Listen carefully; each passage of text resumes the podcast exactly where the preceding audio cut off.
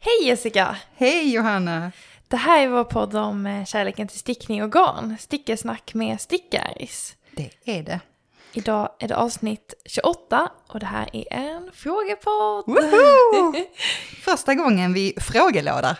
Ja, det känns som att vi blev en, liksom en riktig podd. Alltså inte, inte att vi inte har varit en riktig podd innan, men så som alla andra poddar. Det finns alltså, saker man måste göra. Precis som ikoniska tröjor finns det en liksom Absolut. ikoniska poddar-checklista. Ja, precis. Det här är frågepodd, men mest för stickintresserade människor. För det kommer, vara, det kommer avhandlas en hel del garnrelaterat Det även idag. Eh, Och idag är det också en eh, ny grej vi provar. Ja. Eh, ja, vi har äntligen riggat upp all vår nya utrustning. Yes. Så lite, lite svordomar och frustration och eh, jag som vägrar läsa instruktionsböcker. Men Mm. nu är det igång. Och jag bara, Johanna, hon måste vara den tekniska av oss. Ja men det är ju det, men... Och, och egentligen tycker jag att det är kul att kunna saker. Ja. Eh, det är mer att jag emellanåt känner att jag inte orkar förstå. Mm. Ja, eftersom vi facetimade Jonas innan så kan du räkna ut vem som får lösa det tekniska i vår familj. Och det är egentligen inte tror jag, jag tänker att jag hade kunnat lära mig om jag satt mig in i det, men jag är så ointresserad att jag väljer att inte lära mig. Ja, men för mig, alltså vi skämtar väldigt mycket, eh, jag och Gunnar, om att Gunnar är den teknikansvariga. Mm. Alltså, och för mig är det typ att jag får så, inte, alltså ilningar hela kroppen, att tekniken inte funkar. Så, Ja, Typ om routern inte funkar och det bara är så här att det har varit strömavbrott. något, Så att man behöver typ slå på strömmen. Jag blir så irriterad. Så bara, nej, jag klarar inte det. nej. Men jag kanske också kan komma undan med att säga att alltså, jag jobbar ju med teknik hela dagarna. Ja. Så då vill jag inte göra det när jag Nej, kommer jag fattar. hem. Jag jobbar inte med teknik och jag vill ändå inte göra Nej, det. nej. Nej. Sen så kan jag ju, alltså det är inte, Ja. Ja, nej, nej, om jag, när jag väl liksom bestämmer mig för att jag ska göra saker så funkar det ju. Ja. Jag, jag har ju lärt mig klippa podden och tycker det Precis. är kul. Och jag tänker ändå att eh, du och vi kommer att lära oss vår utrustning. Men det är ett Ja. första test idag. Och det ska bli Precis. jättekul att höra vad ni eh, tycker. Ja, vi bara lyssnade lite snabbt här på vårt förtest och upplevde att ljudet var mycket renare. Så Mm. förhoppningsvis så eh, hör ni det också. Ja. Och vi kan ju direkt tacka alla gullisar som är patrons. Ja. För det är, Tack vare er. ja, enbart. Som det här är möjligt. Ja, Att vi nu sitter här med varsin mikrofon Mm. och eh, en sak som tar upp det och lalala. Precis. Allt det som krävs. Sladdar, mycket sladdar mycket faktiskt. sladdar.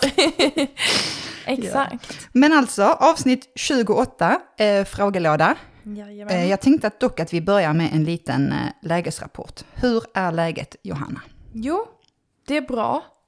Vi sköt upp och spelade in podd för att jag hade huvudvärk förra gången. Och eh, idag är det mycket bättre. Um, jag hade också, det är måndag när vi spelar in det här. Och igår hade jag sådär en dag. Ofta här hemma har vi många olika projekt som är igång och sådär. Att, ja, men vi fixar med de olika rummen och sådär. Det finns liksom en ständigt, aldrig, aldrig sinande att göra-lista. Men igår hade jag en dag när jag var så här, nej, jag håller bara på med mina egna hobbys. Mm. Så jag var så i verkstaden i tre timmar, drejade och sen så låg jag i soffan och stickade och sen var jag och tränade med min kompis. Ja, men alltså. Och liksom bara, bara sånt. Det låter drömmigt. Det var väldigt skönt. Så jag kände mig eh, liksom rätt så uppladdad. eh. Mm. Mm. Men du då, du hade en panghelg också. Jag har också haft en panghelg. ja. Alltså fantastiskt att vissa helger, att ibland så här fredag eftermiddag har man en bara så vision för helgen. Jag måste göra det här och det här och jag vill göra det här och det här. Och nu bara så checkar jag av allt. Gud vad Och jag har sån sjuk träningsverk idag. Mm. Eh, I armarna, det är jättedåligt när man stickar. Eh, för att det är så här, alltså eh, hösten, det är min sån här, um, då vill kroppen bara så göra saker för mitt typ inre. Alltså då har jag, jag har Ja. gått på hot yoga house hela hösten. Ja, ja. Jag vill vara i värme, jag vill svettas, jag vill sträcka Ah. ut kroppen. Och sen typ så här är det ett skift som sker liksom 31 december, 1 januari. Bara så, nu vill jag till gymmet och jag vill höra jättehög musik och jag vill se andra människor svettas. Ja men typ så. Så roligt att du märker skillnad Ja. så. Alltså våren är min gymperiod. Ja. Och eftersom jag då inte har gymmat med, som jag brukar, och så är det ju så första två, tre, fyra träningsomgångarna är bara så här, Gud ja. vad har jag gjort Ja. med mig själv? Ehm, och igår var det armarna. Men jag hade med mig Meja på gymmet igår. Jag såg det så mysigt. Alltså de har en sån här kids zone som, var, som är bemannad vissa tider. Ja, ja. Eh, igår var den inte bemannad, men hon, hon ville ju se mig hela Mm. tiden, det fattar jag. Så hon satt där på golvet och tittade på paddan i en timme. Ja, perfekt. Alltså. Det var jättegulligt. Så härligt. Ja. Men du tycker alltså att det är vår nu? Nej, alltså det är, det, det är inte det. I Nej, för idag har det varit en och en halv grad och regn. Ja, jag vet.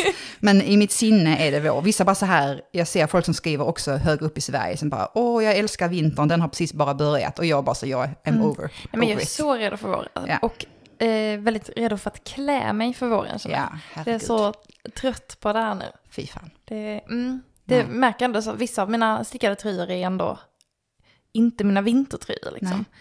Och det, ja, de, jag längtar efter att börja använda dem. Ja, verkligen. Det gör jag också. Det här, alltså jag fattar också att, att vinter högre upp i Sverige är mysigt.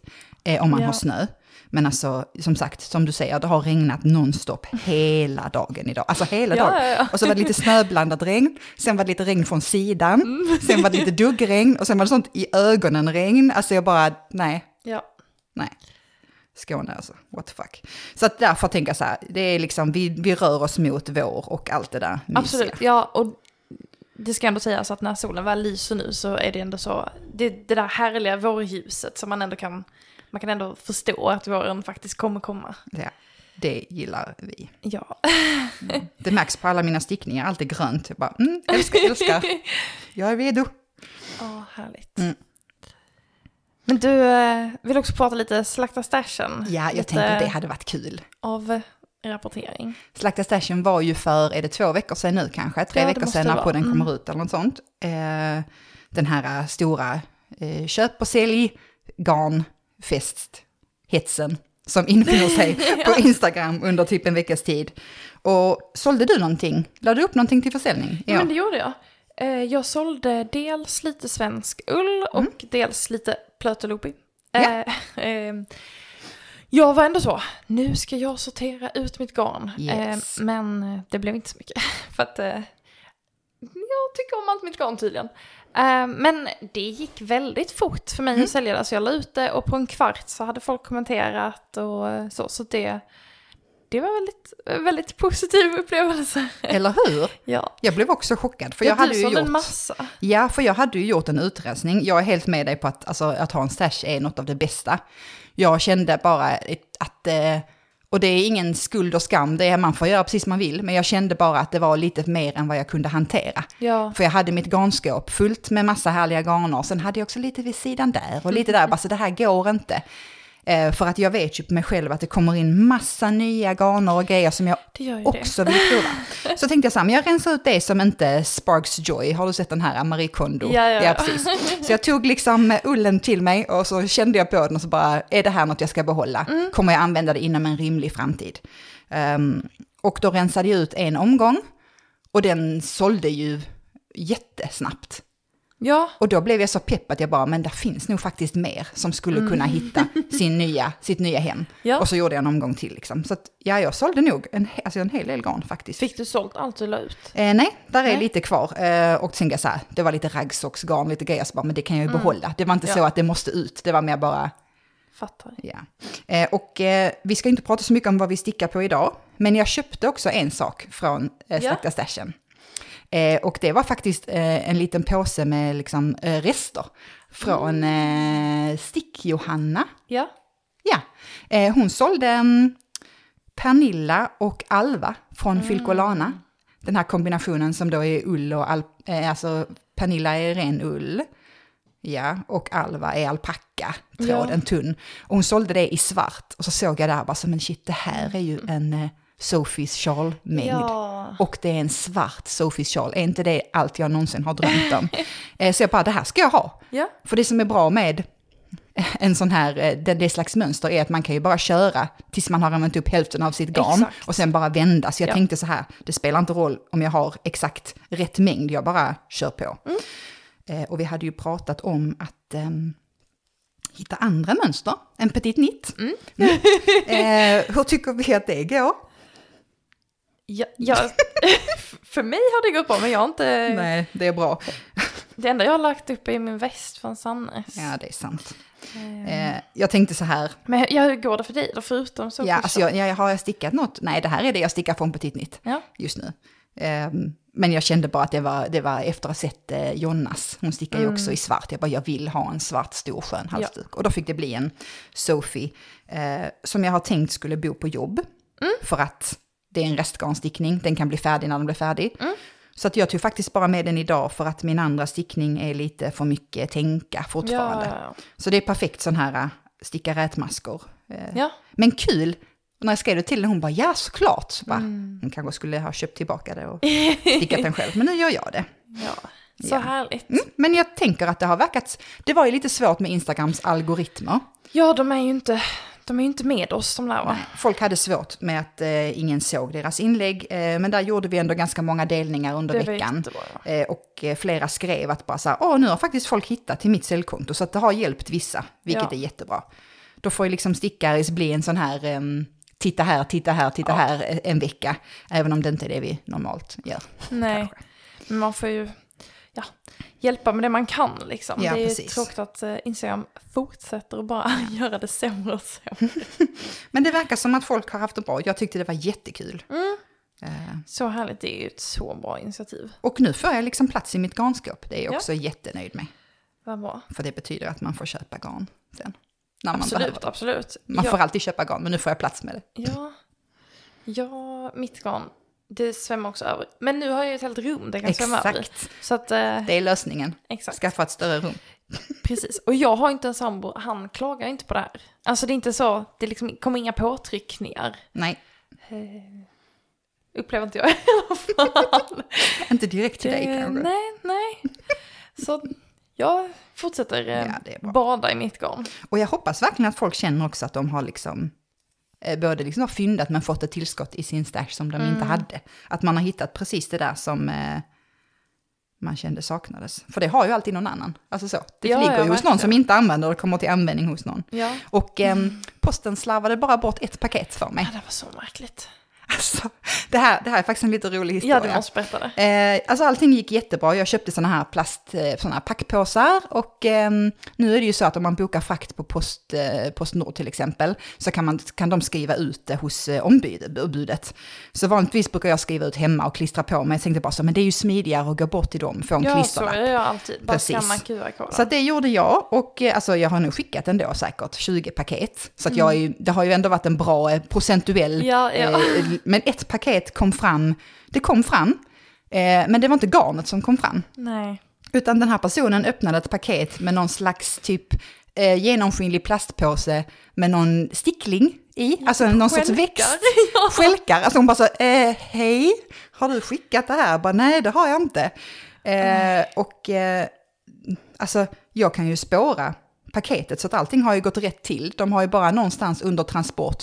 Mitt bud är att klisterlappen har fastnat i något annat Ja. Mm. paket eller trillat av och att någon bara har satt det på ett Jag precis, annat. bara, oj, den ska nog vara här. Typ Så min första tanke var ju så här, okej, men någon har ju fått garn som ville ha en växt. Jag Ja. hoppades, man tänkte så här, kan man liksom lösa det här på något sätt? Kan Ja. vi hitta den som skulle ha eh, sticklingarna? Mm. Eh, så jag bara så här, går in i Facebook, i någon grupp så här, eh, krukväxter, det som tidigare var växtgäris kanske, som är uppdelat i så här, kruksväxter, köp och sälj. Ja, ja. Och de var jättegulliga. ja. Eh, och bara så här, det här ser ut som en akvarieväxt. och jag bara, okej. så då blev jag medlem i Akvarieväxter 2.0. och Akvarieväxter köp, sälj, någonting. Jag visste inte det där. Nej, alltså det här, är, det här är... Så jag blev helt plötsligt med i en massa forum som jag kände att vanligtvis inte mitt område, men absolut. Ja, så jag la ja. upp samma inlägg i akvarieväxter, köp och sälj. Eh, och då skrev de till mig och bara så här, men det här är en akvarieväxt. Jättebra, jag bara, jag är på rätt plats. Första kommentaren är typ så här, eh, jag tror det är så många trådrötter på den här växten att jag tror inte någon kommer vilja göra sig till känna som att det var ett dåligt exemplar. Nej, jag och jag bara så skrev jag så, men de kanske kan skriva ett hemligt, de kan skriva DM, de kan skriva liksom privat till mig. Eh, och eh, jag fick tyvärr inget napp här, men folk gick liksom loss och såg det som en chans att gå loss på Postnord Ja. och eh, deras kvalitet. Eh, Ett kvalitetssäkring kanske man ska säga. Ehm, men jag fick tyvärr inget napp. Jag bad annars eh, den här eh, eh, personen som hade köpt garnet att eh, försöka hålla växten vid liv. Ja, För jag ja. tänkte att är det så att den här personen, har det hänt liksom vid slutstationen?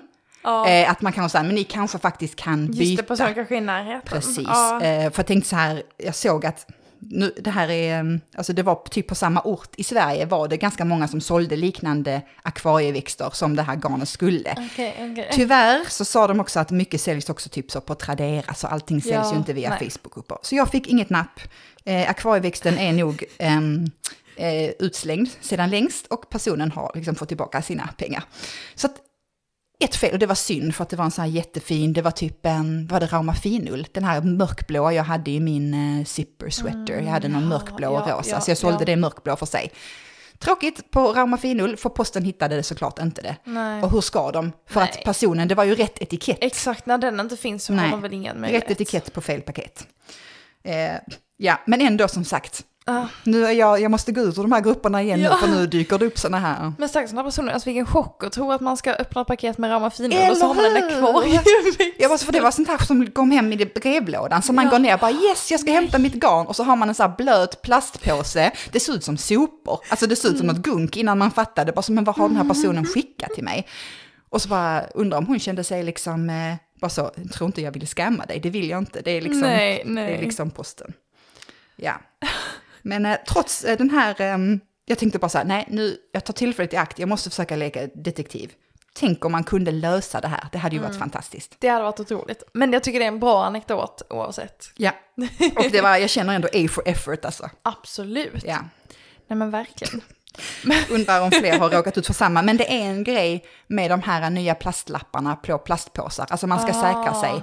Ah. För de på posten sa till mig, det kan vara bättre att skicka i de här kompostpåsarna, matavfallspåsarna.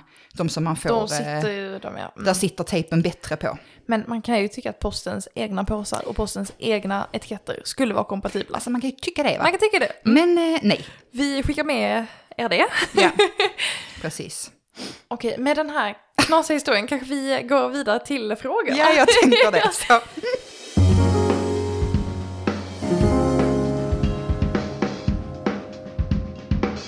Vi börjar lite, lite mjukt med en, en personlig fråga.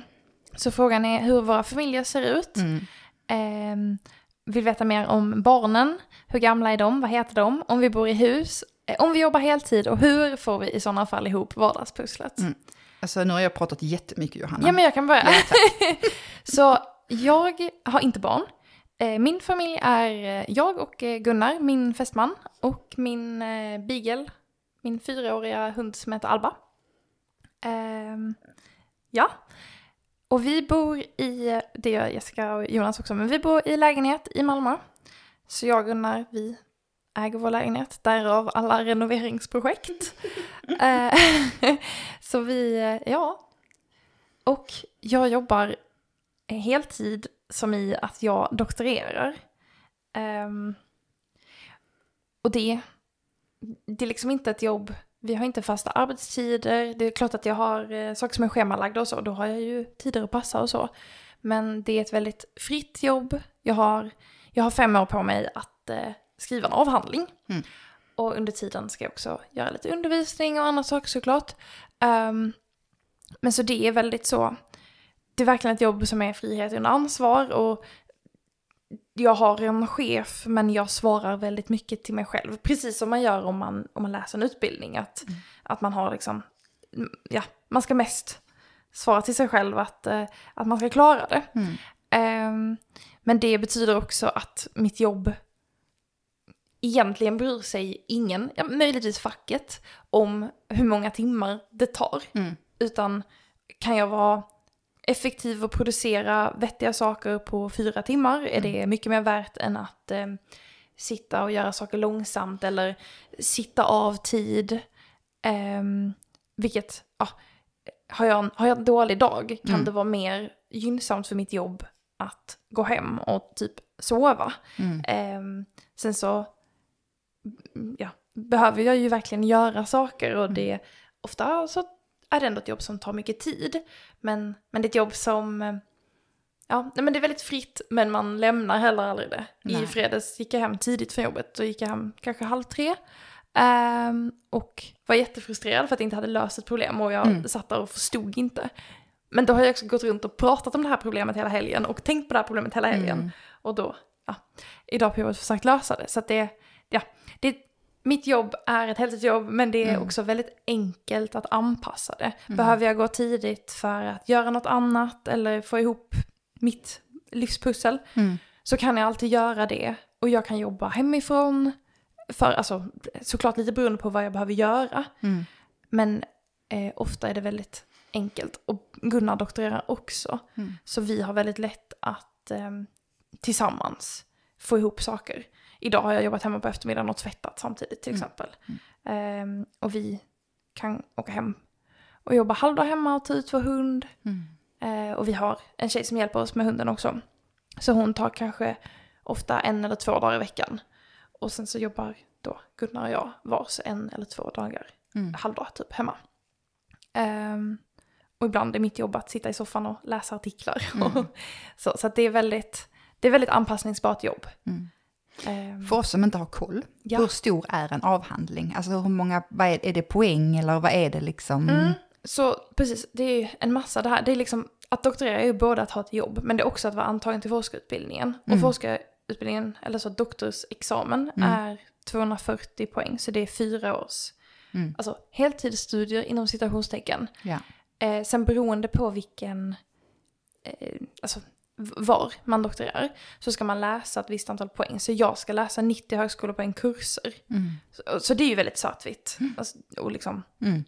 på ett sätt väldigt lätt att förstå hur mycket tid det och energi det kräver. Ehm, så ett och ett halvt år kurser Mm. och resten är då forskning. Mm. Och ehm, då, då kan man också göra två olika saker. Man kan antingen skriva en avhandling som liksom är en bok. Eller så kan man skriva en avhandling som är sammansatt, eh, sammansatt av ehm, dels liksom en eh, lång inledning och sen em, olika artiklar. Mm. Och det är det jag kommer göra. Det är det, i, som jag förstår det, så är det väldigt vanligt. Mm. Em, det beror såklart på inom vilka områden man doktorerar. Mm. Eh, Jag kan säga det om inte folk vet, men jag doktorerar i matte och jobbar med maskininlärning och, och bildanalys. Mm. Så det AI-grejer. Eh, men så jag kommer då ha skrivit ett gäng artiklar i slutändan och de kommer då tillsammans med en liksom, lång inledning vara min avhandling. Så, och det kanske ska vara fem artiklar. Mm. Och ett sånt projekt kan ta ett år, förhoppningsvis inte. Ska inte varje projekt ta ett helt år. Mm. Ehm, men ja. Vad doktorerar Gunnar i? Han doktorerar i hållfasthetslära. Mhm. Eh, Så han jobbar mycket med typ ett enkelt, eller ett bra exempel är så här hur man kan bygga en bro Mm. med så lite material som möjligt men att den håller. Mm. Eh, Men det är ja, massa olika så, eh, former typ Mm. som ska klara olika belastningar och hur man då ska kunna eh, konstruera dem så smart som Mm. möjligt. Eh, Ja, det var ett väldigt långt, Mm. långt svar om, om mitt jobb. Men det tycker jag är bra. För Ja. att när pratade vi sist om, alltså för att det var typ så här Ja, pilotavsnittet. början. där Ja, man pratade lite grann kort om vad vi liksom precis. gjorde utöver. Ja. Men mitt jobb är verkligen, alltså formen på mitt jobb är ju förutsättningen för att jag ska kunna hålla på med så mycket olika hobbys och grejer. Alltså Mm. hade jag behövt vara på kontoret åtta timmar varje dag hade jag behövt skala ner, Mm. skala av väldigt mycket. Men dina hobbys, berätta om dem. Ja, det är såklart stickning, men sen så drejar jag ju också. Mm. Eh, så att jag har plats i en verkstad och är där mindre än vad jag hade önskat, men jag försöker vara där en gång i veckan, men det lyckas jag inte alltid med. Sen tränar jag crossfit. Ehm, och det försöker jag göra kanske tre gånger i veckan, om, förhoppningsvis. Mm. Eller så, det är mitt, mitt mål. Mm. Och sen så tränar jag agility med min hund. Eh, och vi tävlar agility också. Och sen renoverar jag ju en massa. Mm. Och sådär. Så det är mycket olika, mycket olika skapande på olika sätt också. Alltså att det, det känns som att det, det är skönt att få utlopp för det där att se vad man gör. Mm. För min forskning är ofta, ofta väldigt långa tidsperioder när man inte ser att man gör framsteg. Man liksom harvar runt i ovisshet. Mm. Så då, då mår jag väldigt bra av att faktiskt få se vad det är jag också gör. Ja, det fattar jag helt och Ja. hållet. Men jag ska berätta om din familj. Yes, jag eh, har eh, en av de vanligaste familjeformerna i Sverige. fick jag kolla fram till. Vad är det vi har för någonting? Vi har, och jag tycker inte alls om, jag tycker inte alls om eh, begreppet kärnfamilj. Jag tycker det är, eh, ja, Nej. jag vill inte gå in på den diskussionen nu, men jag tycker inte om det. Därför var det bara så här, men min form är en av de vanligaste. Eh, jag är gift med Jonas sen tio år tillbaka. Alltså tio år sedan gifte vi oss i år. Det är lite sjukt. Eh, vi träffades och blev tillsammans i gymnasiet. Det, alltså det är imponerande att ni har varit gifta i tio år, men det är Mm. väldigt imponerande att ni har varit ihop sedan du var 16. Ja, det är sjukt. Eh, vi har verkligen, vi har verkligen spenderat mer än liksom, mer av livet ihop än utan varandra. Det tycker jag är fint att tänka på. Ja. Eh, vi har eh, Sam och Mia. De är åtta och sex år. Och vi bor i en lägenhet på Ribersborg i Malmö. Ehm, jag arbetar heltid, men i Danmark. Och deras heltid är 37 timmar. Eh, och det har jag inte gjort hela tiden, utan jag har varit nere på lägre timtal när barnen var mindre, typ så här 32 och 35.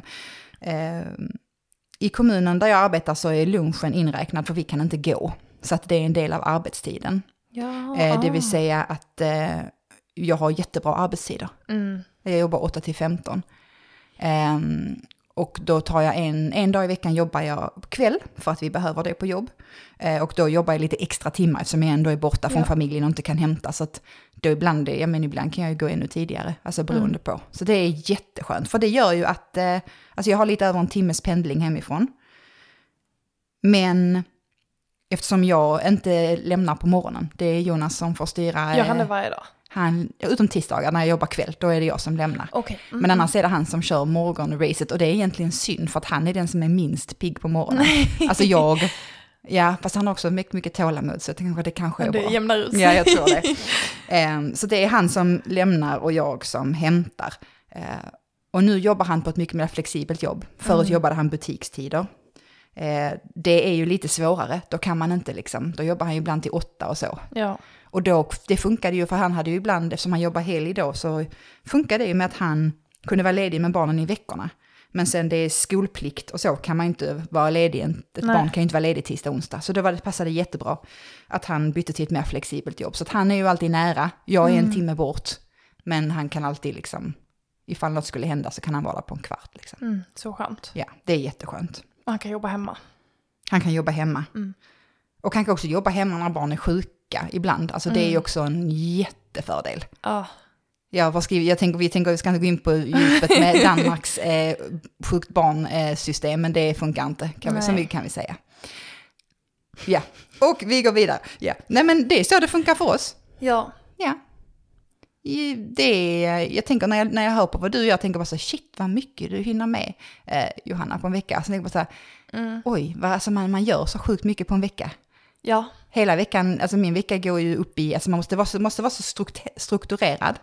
Ehm, så att man kan göra de sakerna man själv vill också. Eftersom mycket är så här, hämta, lämna, laga mat, fixa, dona. Ehm, vi lever ändå ett ganska enkelt liv, vi har inte bil för vi behöver ingen. Och vi Nej. har väldigt korta avstånd till allt, alltså barnens aktiviteter och sånt. Och det är, ehm, det är medvetet. Ja. Jag har kollegor som har barn eh, som kör överallt och ska liksom hit och dit. Jag bara, så det, det är inget liv för mig. Ehm, barnen får gå på en aktivitet och så ska den vara inom liksom. Ja. Och bor man i Malmö så är det inte så svårt. Alltså, Nej, nej, precis. Det är verkligen görbart. Ja, precis. Vi gör ju mycket så... Alltså, gör ofta saker, liksom flera flugor en smäll också. Eh, Gunnar tränar jättemycket, han springer varje Mm. dag i princip. Eh, och flera gånger i veckan så har han så här lugna pass som kan gå liksom hur långsamt som helst. Som är typ en timme kanske. Mm. Och då brukar han ta med sig Alba på dem. Mm. Och då, det blir ju liksom, den tiden rä- alltså det blir så att man får nästan tid Ja. av att det händer. Liksom. Ja, precis. Eh, så det, ja, det gäller att, gäller att försöka vara smart också. Men jag gör jag, jättemycket och jag blir jättetrött. Alltså jag behöver också verkligen Mm. ta timmar i soffan av Ja. bara vila. Jag fattar det. Ehm, Det känner jag också. så det, att, eh, det går inte alltid i ett, men nej. ja. Men eh, ja, utöver familjeliv så tycker jag om att sticka. Det, jag försöker kombinera det. Alla väntetider är ju så här, när någon ska in i dans, på danslektion 45 minuter, 45 minuter stickning. Perfekt. Eh, sitta i simhallen, svettiga, 45 minuter stickning. Ja. Mm. Ehm, Men om du stickar varje dag när du pendlar? ja, Every day. För att Ja. det är så sjukt tråkigt eh, annars. Så jag brukar lyssna på någonting. Eh, ibland podcast, ibland något annat. Och sen så sticka. För att jag har en halvtimme, 35 minuter ren eh, stillasittande pendlingstid på. Öresundståget. Ja, så smidigt. Så det är bra stickningstid. Mm. Och annars så tycker jag ju om att träna. Det har vi varit inne på. Yoga Ja. På hösten, gym på våren. Eh, och så tycker jag om att bada, kallbad. Ja. Ja. Men vi, vi går vidare till lite mer stickrelaterade frågor. Mm. Jag tänker att vissa frågor kanske bara en av oss svarar på och vissa frågor kan vi Mhm. diskutera lite mer. Mhm. Men vi tar en som är lite kort och rolig här. Så vilket godis skulle vi vilja se tolkat som stickmönster? Ja. Och jag är inte en godismänniska, men Jessica, du har ett svar på den här frågan. ja, jag är en godismänniska. eh, alltså ni vet de här godisarna som ser ut som flaskor. Med sura godisar som heter Fizzy Pop tror jag de heter. Som de är rosa och blå. rosa och blå. Jag bara sa det här, det här är en bra, eh, bra stickat plagg. Och så, så bara säga, jag tar typ en väst, typ där i buklégarn, vet sånt här som är fruktansvärt att sticka i, egen personlig åsikt. Ehm, men jättekult och fluffigt liksom. Och Men- så, eller, eller, eller sån här tjock mohair ska vi också. Ehm, Jag känner att du ett måste färga det här garnet, två skapa det här mönstret. Alltså Ja. jag tycker det är en så rolig idé. ja, alltså en väst med fluffigt, någon slags garn och så en sån här dubbelvikt stor halskrage. Jag gör en hel kollektion i så här En godisstickat. Fizzy Pop-kollektion. Det var här ni hörde Ja. det först. Ja, Mm. ja, det kommer. Ja, men alltså, det här otroligt, alltså, otroligt rolig fråga att få. Verkligen. Ja. Jag tycker det var ett jättebra svar också. Ja, bra. Det, mm, Vi går vidare. ja, så hur tycker vi att Stick-Sverige utvecklas och var är vi på väg? Trender och visioner och tycker vi att något saknas eller skulle vi vilja ändra något i stort? Mm. Och jag har nog inget väl genomtänkt svar här men när jag tänker på det här med alltså, trender och så Mm. så vet jag inte riktigt var Stick-Sverige är på väg. Men resten av världen är ju på väg, alltså i våra fotspår. Det känns som att stickvärlden hela tiden är före i trender. Mm. På ett helt otroligt sätt. Ehm, typ så, stickade västar. Känns som att vi har hållit på med det i flera år. Eh, Och nu är det överallt. Mhm. Och balaklavan, hallå? Hallå? Det var vi som började med dem. Mhm. Alla har balaklavor nu. Mormors rutor. Till och med Harry Styles har mormors rutor. Mhm. Det har vi vetat länge att man håller på med. Det känns verkligen som att, ehm, jag vet inte, stickning istället för att vara så här lite mossigt så är vi eh, trendpionjärer. Absolut.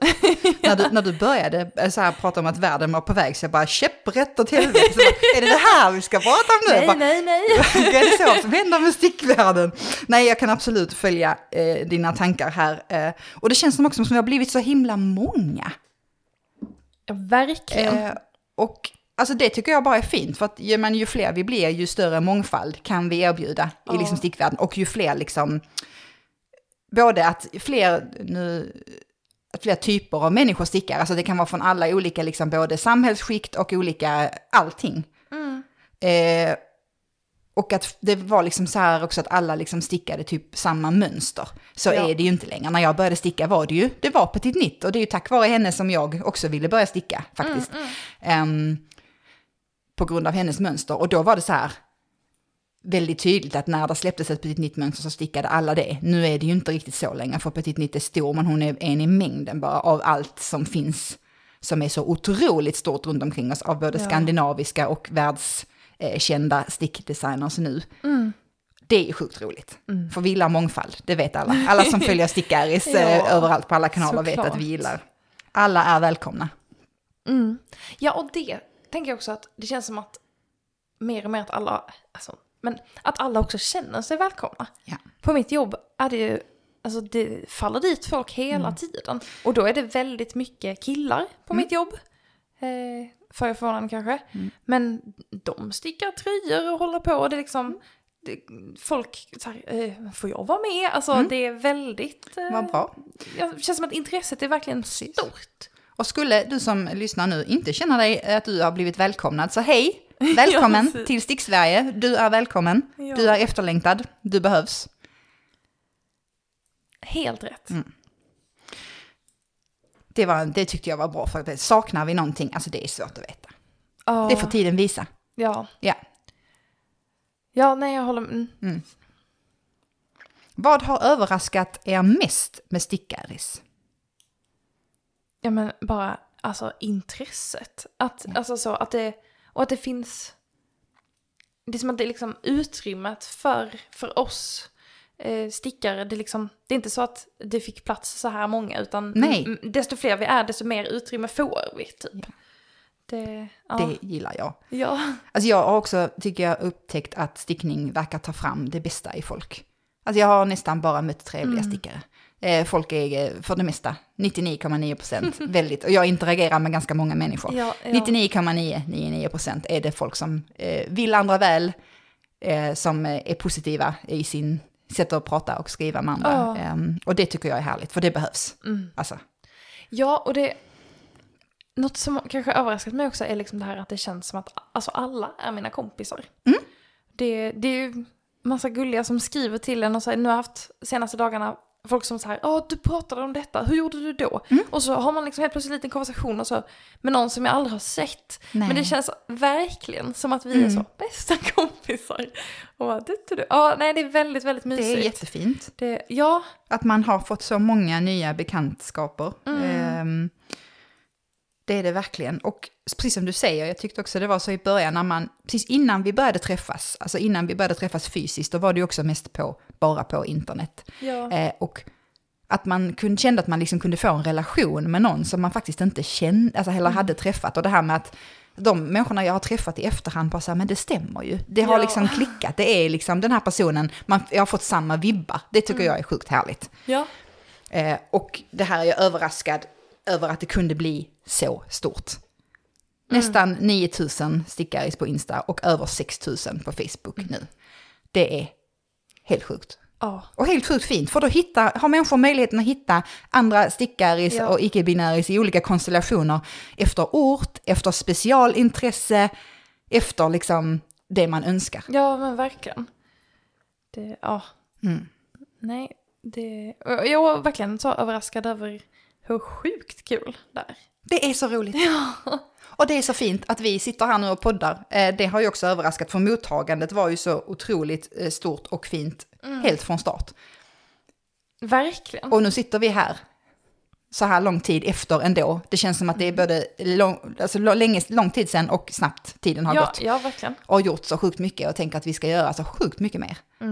Ja, alltså det har väl överraskat mig att, att jag nu har en podd. Alltså det Mm. var inte... Det fanns ju inga... Det fanns inga planer.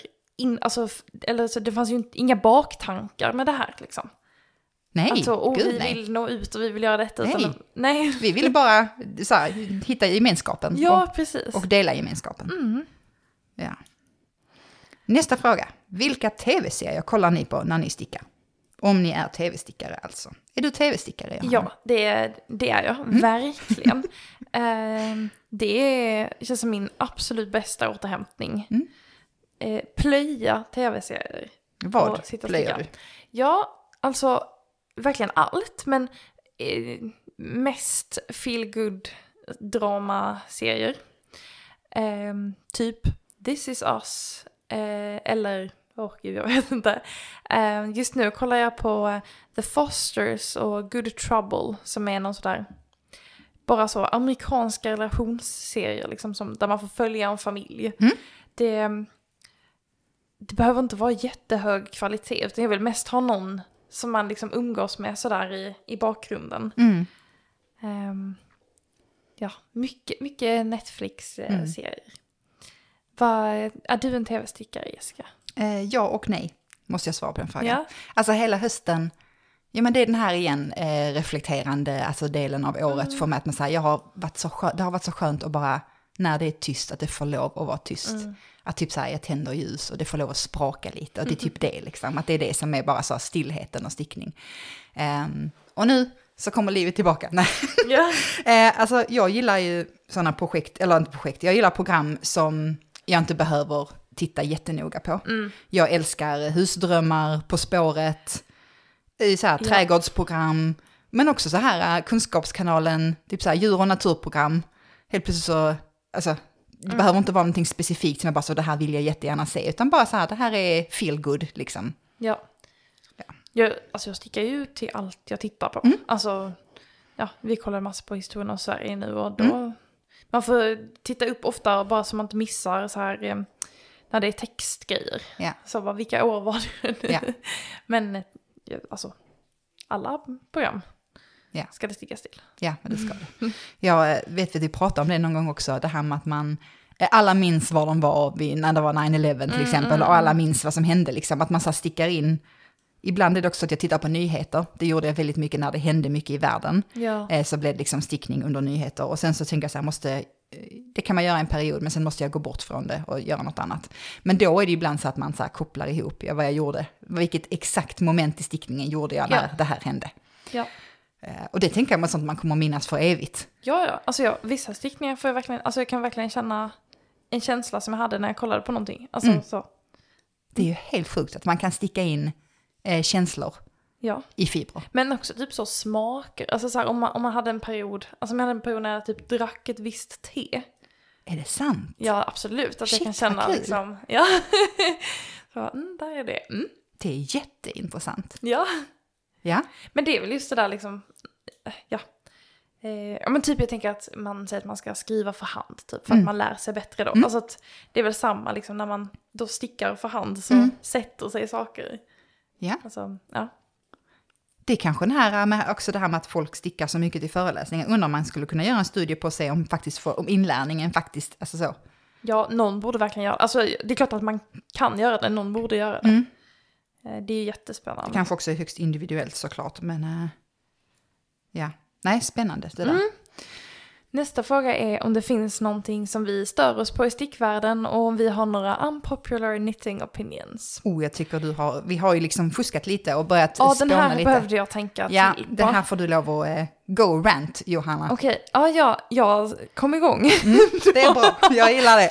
Kom Men igång. Jag, jo, men det här är lite som du säger också Jessica, det här med att, att folk är snälla och så. Och Mm. jag kan liksom, det här handlar egentligen inte heller bara om stickvärlden utan allmänt. Så kan jag tycka det är jobbigt att störa mig på när folk vill vara coola Mm. och inte inkluderande. Eh, och jag kan störa mig väldigt mycket på att det påverkar mig väldigt mycket. Att Mm. jag kan verkligen... ehm, ja, jag kan känna som att mina spröt ut att jag är uppmärksam på sånt. Mm. Och att jag inte alltid har kraft att stå emot utan jag också... Alltså om någon verkar vara cool så vill jag prata med dem. Typ. Mm. Eh, så det... Och jag, tycker, eller ja, och jag tycker det är bara onödigt i stickvärlden. Mm. Bara så att det, varför ska man behöva vara cool här? Mm. Eh, jag kan störa mig på när folk bara stickar petit nitt. Ehm, och absolut inte att, alltså jag stör mig inte på folk som stickar petit nitt, petit nitt, men när det känns som att folk inte har förstått att de kan sticka annat. Mm.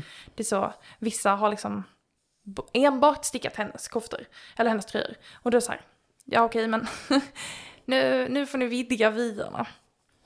Ehm, och så stör jag mig enormt mycket på när stickvärlden måste vara rätt på alla sätt.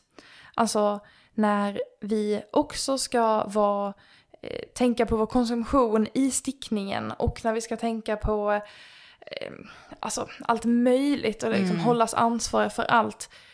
Och min starka åsikt här är att tycka att man ska kritisera de stora företagen och Mm. politikerna och politiken och att vi ska låta kvinnor ha sina hobbys i fred. Amen syster.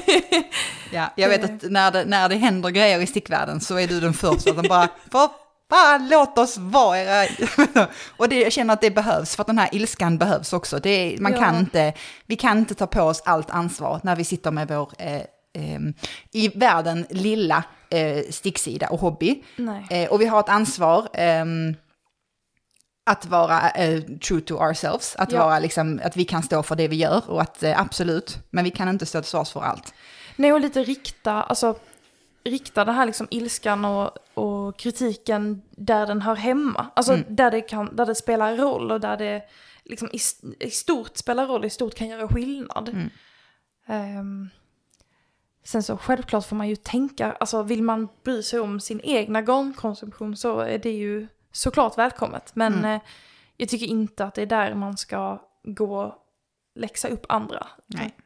Jag tänker ändå att vi gör något, alltså något som är väldigt bra för oss Ja. i att ha en egen hobby. Mm. Så ja, Jag vet också vad så här när man pratar om så här med klimatpåverkan. Eh, och man självklart kan ju bara ansvara för det man gör själv. Mm. Men om man tittar på så här, hur bor du? Du gör så här och så här och så här. Och så var det så här, ja men så, vem var det? Kardashians och Taylor Swift som flyger med sin, eh, i sina privatflyg. Eh, Mm. en, en liksom 20 minuters bilresa. Eh, och man bara, det här känns inte okej. Men samtidigt så, vi kan inte påverka vad de gör, alltså Nej. de bestämmer själva. och vi har så, de fem rikaste i Sverige äger mer än fem miljoner svenskar ihop. Ja. Alltså, Eh, men du då? Nu är det en stickpodd, så att, eh, nu går jag till små specifika sticksaker som jag tänkte så här, det här kan vara unpopular. Ehm, det första är att jag är inte rädd för akrylgarn. What? Nu har jag släppt ut det, I'm, it's out there. Nej, men eh, det är så här, alltså nu igen ko- kommer den här moralgrejen. Jag har självklart lärt mig om att plast är inte bra och lalala, mikroplaster, jag förstår, det är jättedåligt. Men hela min uppväxt, alltså jag var klädd i flis från topp till tå. Vi Ja. var ingen ullfamilj. Jag, jag har växt upp med flis, jag gillar flis. Eh, mina barn gillar också flis, Mm. så att låt dem använda det och sen så kan jag använda ull nu. Jag kan ju välja vad jag gör själv. Ja. Men jag känner inte så här att man behöver inte shamea om någon stickar i akryl för att de Nej. gillar det eller inte. Men det är ju Eh, lite samman här. Ja, Bara precis. låt hobbyn vara. Ja, låt hobbyn vara. Eh, och sen så, när, jag, när du så här gick igång så kände jag så här, nej nu gräver jag också djupt här. Ehm, och jag stör mig, jag ska jag stör mig lite, men jag stör mig faktiskt på att Instagram och Facebook är det enda och lättaste, kanske mest lättaste eh, sättet att samla folk Ja. på. Eh, och jag har ju ingen ersättare, det finns inget annat där ute, eh, men att det är saker händer ju, det här med algoritmer, Ja. folks saker syns inte, man kan inte välja vems inlägg man vill se utan att aktivt göra det och man blir matad med en massa annat. Ja det är makt på ett Ja, megaföretag ja som... precis. ja. Det tycker jag är fattigt. Ja. Men jag hade inte kunnat göra det på ett annat sätt, för att brevväxling, då måste vi förlita oss på typ så här Postnord och det vet vi ju hur det gick. Ehm, ja. Och Ja. sen min sista, jag tycker att italiensk ma- avmaskning är, har fått för, mig, för, mycket, för mycket hype. Ja. Ehm, I ett av, eh, jag tror det var uh, Elida, Notorious Knitters mönster, så skulle man maska av med, det här kan jag inte ens uttala, heter det hia hia eller heter det haja haja? Ingen aning, ni vet vad jag menar kanske. Hia hia Grandmas Stretchy Bind Off. Ehm, som är en stretchig avmaskning, precis som det låter, men man stickar den. Så man slipper liksom det här med mm, två varv, lyfta masker och eh, nål och alltså så här. Nej, Mm. man stickar Ja. en stretchig avmaskning. Så det, eh, den blir lika fin som en italiensk. Ja, Och jag tänker italiensk, det är ju petit nit. absolut. Ja, Nej men verkligen. ja, så den tänker jag så här, man behöver inte lära sig den. Man Nej. kan skita i det. Ehm, nu är jag, kommer jag att läsa nästa fråga. Kör på. Vissa av er har ju ställt jättemånga frågor, så vi försöker samla ihop det här. eh, vilket är ert absolut mest använda projekt som ni typ använder hela tiden? Ja, har du ett mest använt projekt? Ehm, alltså jag använder ju ofta några tröjor är liksom i rotation. Mm. Eh, En, en liksom, några månader när det passar den årstiden. Mm. Nu använder jag jättemycket mina tröjor som är svensk ull. Eh, både min toften och min badger sweater. Ehm, men en av mina absolut mest använda tröjor är den som jag stickat i Drops Air. Eh, det är tröja nummer två i mitt liv. Mm.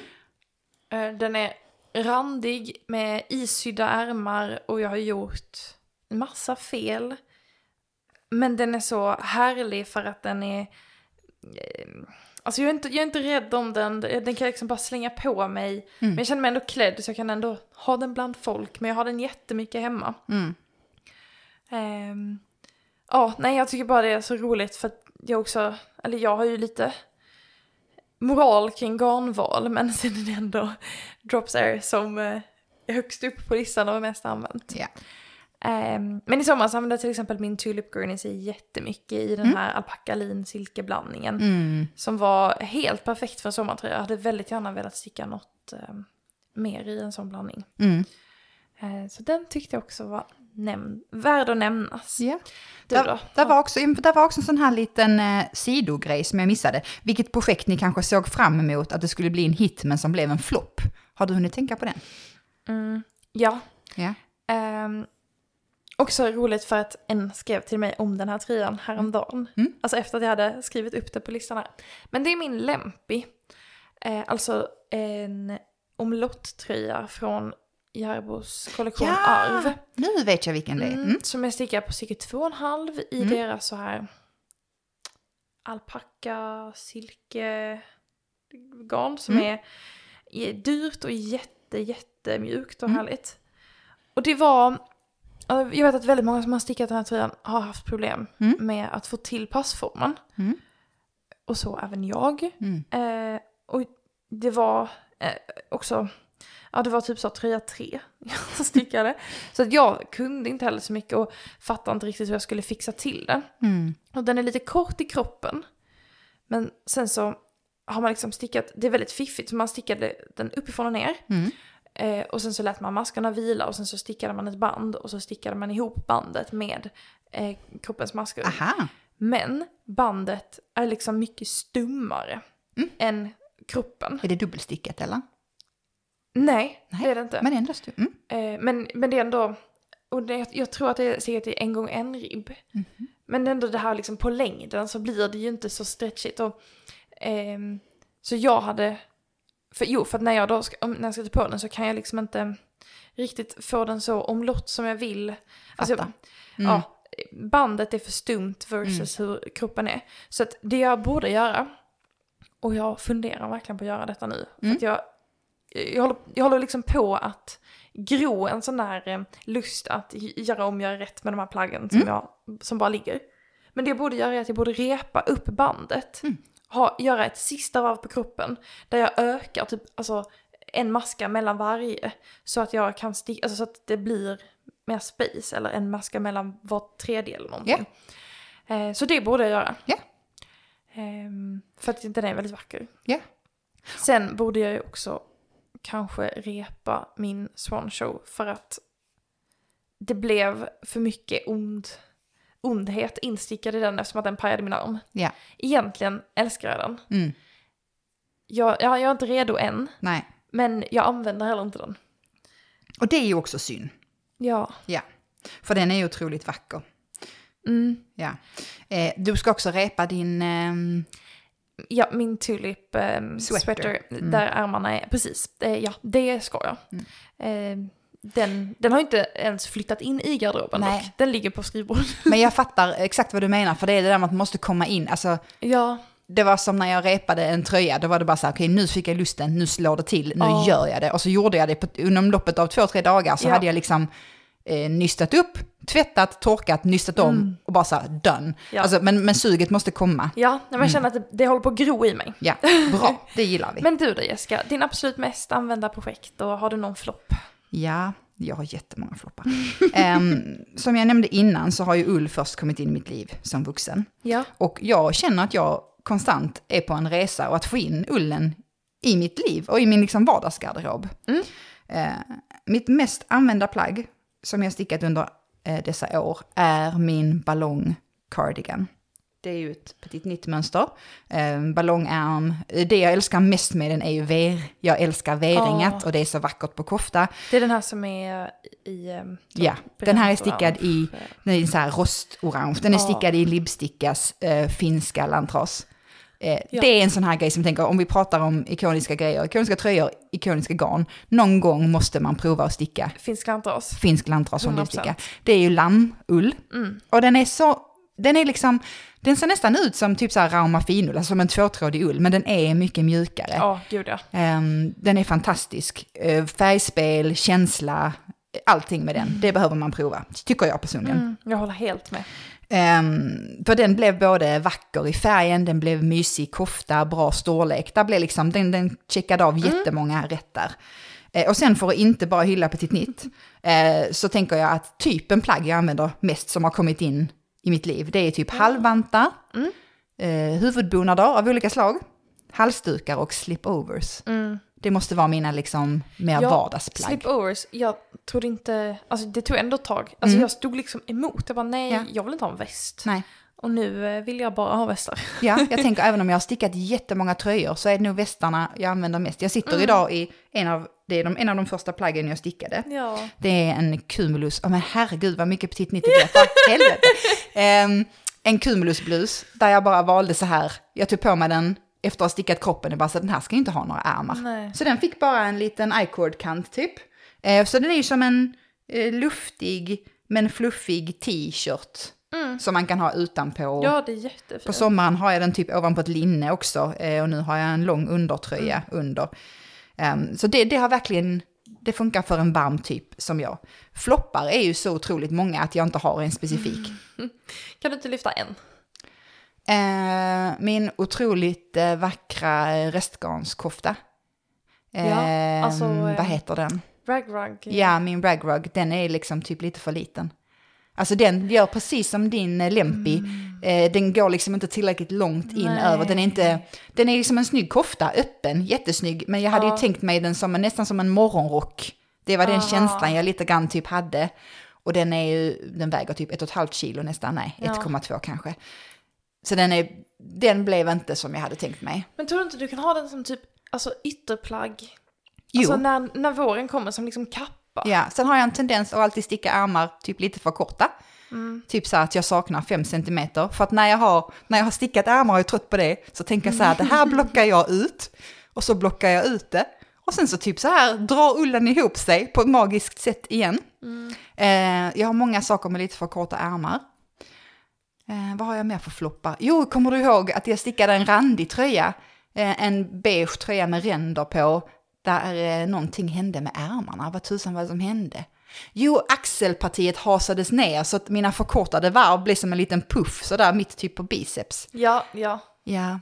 Alltså jag, jag tror det, det är ju floppar är ju en del av processen. Ja men det är det verkligen. Ja. Alltså, det är också spännande att alltså, fundera på så här, okej, Mm. vad, vad, varför blev det knäppt? Vad behöver jag göra annorlunda? Och ibland tänker jag som, som alltså, tänker så här, ja men det, okej, det här måste jag göra om, det här vill jag Mm. göra andra. Men de flesta av mina floppar får ju flytta vidare för att de passar ju någon annan. Ja, ja det är ju... Alltså för någon annan är det ju inte en flopp. Nej.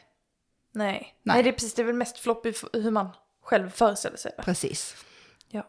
Jag älskar ju, jag älskar att ha kunnat också förse min eh, alltså, närmaste familj och bekantskapskrets med stickat. Ja. Så att ofta får det bara vandra vidare. Men ibland känner man så här, det här vill jag göra om, gör Ja. om, gör rätt liksom. Mm, mm. Men alltså, ja, som sagt, floppar är en del av, eh, det ska ni ha. Har Ja. man inga floppar så får några. Hörni, det Ja. ska ni ha. Ja, det är ett krav. Ja. Nästa fråga är om du bara fick sticka en designer för resten av livet. Ja. Nej, då hade jag slutat sticka. Ja, jag tänkte, eller så försökte liksom tänka lite smart. Mm. Och förutom att just nu då så skulle jag såklart välja eh, Ronja Hackra-lektor. Mm. Eftersom att jag bara vill sticka hennes plagg. Ehm, men efter ett tag hade jag ju stickat upp, alltså så många plagg har du inte designat att Mm. resten av livet liksom ett försett. Eh, så jag tror typ att jag hade valt Maja Karlsson. Ja, det är ett mycket bra svar. Det, ja, men det känns också som ett fusk för det är så.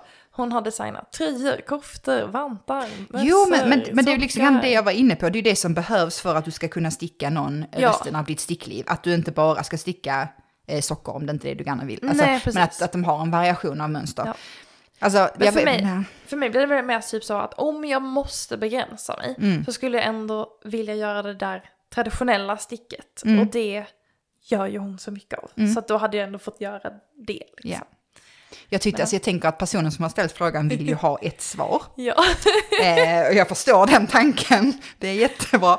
Men liksom, om, om jag ska begränsa mig så hade jag kunnat begränsa mig till skandinaviska designers. Hade ja, det var kunnat. inte så mycket begränsning. Nej, vi gjorde ändå. Eh, nej, alltså det är, jag kan inte, I'm sorry. Nej. Nej. Men, Men Maja typ Karlsson är jättebra. spektakelstrick känns som du hade kunnat Ja. hålla dig... eh, Men ändå lite, ibland lite för crazy, för jag gillar ju Ja, det här liksom, jag gillar ju också när det är lite så här stramt och eh, Ja, ja. ja. Ja, Ni fick ett svar från Johanna, varsågoda. okej. Hur ofta slash mycket tänker vi på det eh, på att det vi stickar ska passa in i den redan existerande garderoben? Mm. Ja. Oj, och jag har skrivit här, förlåt jag tänkte på detta för flera veckor sedan tydligen. Eh, Jag har skrivit att om jag tänker att det ska komplettera så blir det nog mindre använt. Okej, det, det jag tänker är typ så här, om jag så här, jag har inget i den här färgen. då stickar jag det. Ja, nej det fanns ju en anledning Johanna, att du inte hade någonting Ja. i din garderob i den här färgen. Man bara, mm, min garderob saknar något orange. Ja men det är ju för att du inte gillar att ha Nej, orange men på precis. dig. Mm. Så att, på, men nu är, äh, frågan är ju om det ska passa in. Mm. Och det kanske är mer att, då är det ju smartare kanske att sticka i mer samma färgpalett som man klär sig. Ja. Ehm, och jag har typ börjat försöka tänka på det, men det handlar inte så mycket om att det ska passa in, utan det är mer att jag vill skapa plagg som jag vill använda. Ja. Ehm, den här västen som jag började sticka på efter att vi var hos Hanna Grantanten, Mm. den kände jag ju att jag, så här, jag har blusar som behöver den här västen. Så det är klart att det finns en tanke och ofta kanske jag tycker det är, att det är roligt att föreställa mig så här, okej hur, hur ska jag matcha det här stickade plagget? Men det driver inte mitt val. Alltså, ja jag behöver sticka fler koftor, men jag gör ju inte det. Hur tänker du? Jag tänker att ibland så får jag en sån här lust på så, oh, jag vill jättegärna. Jag kan ju bli så här otroligt inspirerad av en färg. Och det kan ju vara att den färgen inte tillhör någon av de färgerna som jag vanligtvis går med, men att färgen bara så här, jag måste, Ja. jag måste sticka någonting. Eh, ja men kanske, låt oss säga bara en färg, orange, vi säger det. Och så stickar jag något i orange. Och sen så känns det ju inte alls som jag. Nej. Och ibland är det bra, för ibland känns det som att jag vidgar mina vyer på det sättet. Att jag väljer liksom lite obekväma, inte obekväma färger, men det är lite utanför min Ja. comfort zone. Och så kommer man på att men det här var ändå nice. Eh, och på det sättet så kan man liksom växa och eh, prova nya saker. Trevligt. Men nu försöker jag också titta på min garderob, för att jag håller också på med en sån här process med lite grann minimera. Ja. Jag, har ju, jag använder ju så otroligt lite kläder, i och med att jag har arbetskläder. Just det. Mm. Så jag har ju egentligen bara kläder från klockan sex på morgonen till kvart i åtta och sen har jag liksom kläder från 15 och Du har ju också kläder på dig på jobbet. Ja, det är sant. Men inte det dina sant. Nej, jag privata, har jättetråkiga mörkblå arbetskläder. Det bara lät som så här. Jag är har naken på kläder jobb. Då. Eh, mina egna, jag har mina egna kläder då, för att förtydliga. Det, här är inte Sorry, det nudistpodd. behövdes verkligen inte. Bara, mm. Eh, och så jag använder så otroligt lite och därför kan jag inte heller försvara att ha jättemycket för Nej. att jag behöver sällan. Eh, och jag tycker om, alltså, jag tycker att ha vissa så här favoritklänningar, favorittoppar. Och där brukar jag så här titta, men okej, vilken färg hade varit snyggt? Vilken slipover hade kunnat Ja. komplettera denna klänningen? Och då kan jag tänka mig att sticka till det plagget. Ehm, sen är det inte alltid att det används till det ändå, Nej, även nej. om man har tänkt sig det. Men det tycker jag, ja, absolut lite. Mm. Ja. Finns det någon färg eller modell på plagg som ni aldrig eh, med kaninöron eh, skulle få för er att sticka? För att man ska aldrig säga aldrig, men vi förstår. Ja, jag har nog sagt och tänkt att jag inte vill göra, eller mormorsrutor. Mm. Eh, sen virkade jag ju den här, eh, den här väskan Ja. som jag fortfarande inte har tagit bild på. Men, eh, och det är ju någon slags mormorsrutor. Mm. Eh, så ja, Ja. det, det var mitt svar. ja, jag tycker den här, den här frågan är jätterolig. Jag tror jag har sagt aldrig så många gånger Mm. och sen så händer det. För det är ju så, man ser någonting, naturliga instinkten, det är vår inbyggda instinkt är att säga, vad är det här? Det här är farligt, det här vill jag inte beblanda mig med. Ja, Eh, och sen blir man utsatt för det Ja. jättemycket under kort tid och sen tänker man, ah, det kanske inte är så farligt ändå. Det är klart vi ska ha en magtröja eller mormors rutor eller Mm. ditten och datten. Eh, balaklava måste jag säga, det var jag inte med på Nej, i en. Mm. ganska lång tid. Och sen så helt plötsligt så släpptes det ju mönster som man bara, men det här, här kan jag leva med. ja men och typ när vintern kommer man bara, nu behöver jag ju ha på mig en. Alltså, Ja. Ja. ja. Så att jag har sagt aldrig alldeles för många gånger. ja. Ja. Bästa och sämsta garnet vi har stött på hittills. Åh herregud. Ja, det sämsta är helt klart det återvunna denimgarnet från Kremke. Eh, ett av nystanen alltså gick sönder bara man typ så tittade på det. Det trillade. alltså man bara öppnade upp, tar av banderollen och så bara trillade. Ehm, och det andra, de andra gick bra. Men jag tror det var för att fibrerna var för korta. Det brukar ju vara det som är Ja. problemet med återvunnet. Att det är inte tillräckligt längd på fibrerna att de håller ihop. Ehm, det blir liksom lite grann som ospunnet fast det här var tyngre så därför gick det sönder lättare. Alltså det var Ja. ingen bra kombi. Eh, jag lyckades sticka en kofta dock av resten av nystanen. Eh, men den gick liksom sönder i ribbkant och den gick, alltså jag använde den några gånger sen bara, den trillade i, Ja. sånt som inte händer med stickade plagg. Nej. Ett stickat plagg går ju inte sönder med användning, Nej. det blir nästan bara starkare tills det Ja. blir slitet. Ehm, och det var eh, också, den här- det var första gången jag stickade ballongcardigan. Det är ju Ja. ett mönster jag har stickat några gånger. Men färgen var så otroligt fin. Tänk så här typ så här ljus denim. Den var så Mm, var himmelsblå, jättefin. vacker färg. Eh, så jag har faktiskt ehm, köpt nytt garn för att sticka samma. Okej, ja det visste jag inte. I ett lite mer hållbart garn. Jag har köpt ehm, en uh, ull-bomullsblandning. Kammarose, sommarull tror jag, något sånt. Och eh, Poppy Blue från eh, Knitting for Olive. Mm. Gud vilket härligt namn. Ja, för den var så, den var fantastisk. Jag älskar färgen på koftan, jag älskar eh, modellen på koftan har vi redan kommit fram till. Men jag måste ha en blå som Ja. håller, liksom. Och det bästa har jag skrivit, eh, det är nog finsk lantras. Eh, I ullkategorin. Mm. Och i eh, mohair-kategorin är det absolut det här Sensai, Oh, ja. Ito Sensai-garnet från, ja, Ito som sagt. Mm. Det här som var silke-mohair med mer silke. Som ju inte är mohairigt alls, utan bara är fantastiskt. Så härligt. Ja, vad är dina bästa och sämsta? Ja, jag jag har inte så, stark, eller så tydliga tankar här alls faktiskt. Alltså, jag tycker ju att, eller eh, obehandlad ull har tagit mig med storm sen jag började sticka. Mm. Alltså det känns som att jag skulle kunna predika om hur bra det är Mm. på alla sätt. Jag har en kollega som är vegan och han, jag liksom, jag visste inte det då, Mm. men jag verkligen typ tvingade på honom så här norsk obehandlad ull. Mm. Och sen så, typ dagen efter han bara, ja jag är vegan, då, då fick jag lite dåligt samvete. Jag bara, men, men jag, jag sa att du skulle köpa det här garnet. Han bara, Mm. ja ja men det är lugnt. men, eh, så även för veganer vill jag predika om det. Ja. Ehm, nej men så, och jag tycker det är väldigt här, alltså jag älskar att sticka i det och jag älskar att ha på mig det. Mm. Jag är väldigt kall av mig och jag har ett stillasittande jobb så det behövs liksom varma kläder. Mm. Ehm, men jag tycker att det är häftigt med de här olika liksom blandningsgarnen, Mm. garnerna för att eh, då kan man ju få så många olika härliga egenskaper i ett. Mm. Ehm, det här eh, garnet från Myrans eh, maskur. som- Linnen, det är mix. Precis. Mm. Det var ju alltså bara en dröm rakt igenom. Så Mm. Underbart att sticka i, älskar hur det ser ut, Mm. älskar att ha på mig det. Ehm, men jag tror inte att jag stickar i så mycket garn jag inte tycker om. Mm. Känner jag. Eh, och att jag, alltså, tyck, det finns något jag gillar med alla garn Mm. som. Men jag stickar ju inte alls i princip i syntetgarn. Nej. Eh, det, ja men så, sockergarn såklart när jag stickat socker och så, men eh, då är det trevligt att det glider lätt. Mm.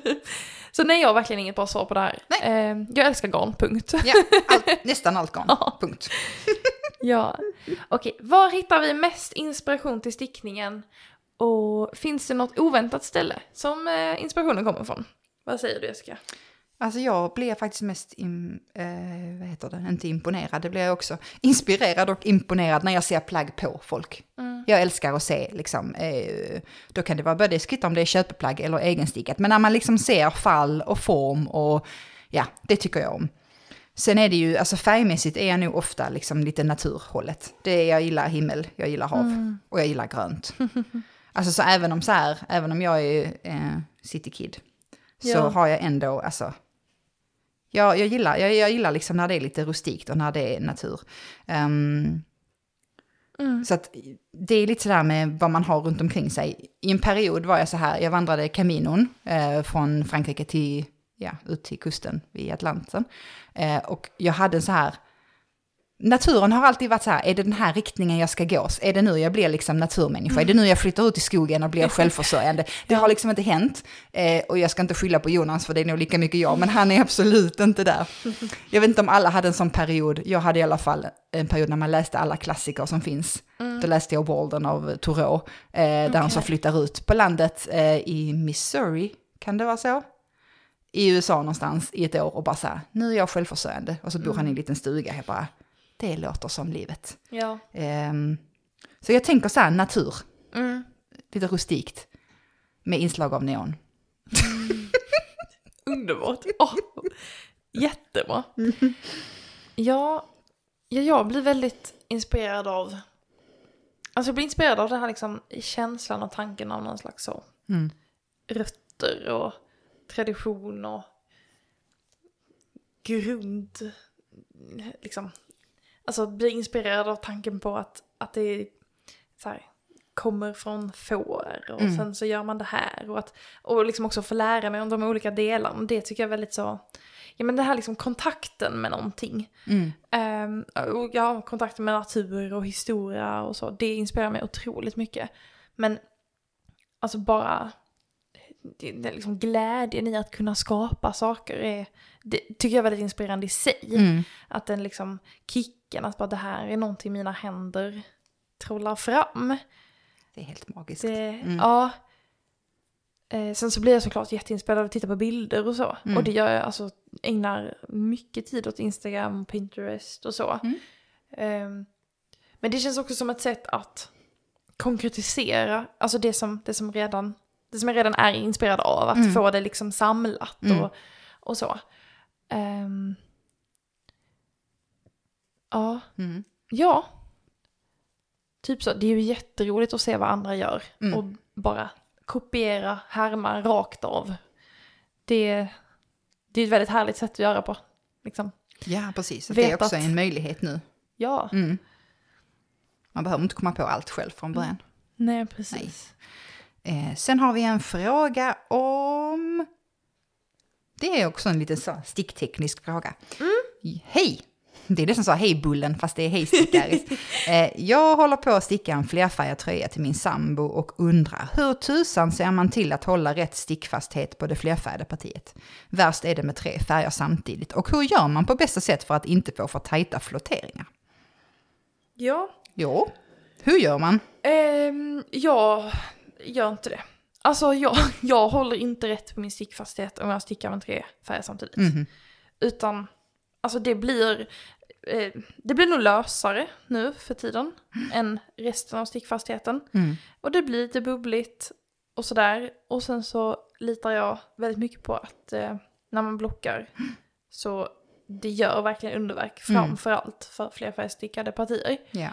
Ehm, sen så är det klart att det är bra att checka sin stickfasthet även på flerfärgstickningen. Mm. Eh, men mitt, mitt svar är verkligen att jag inte gör det. Ja.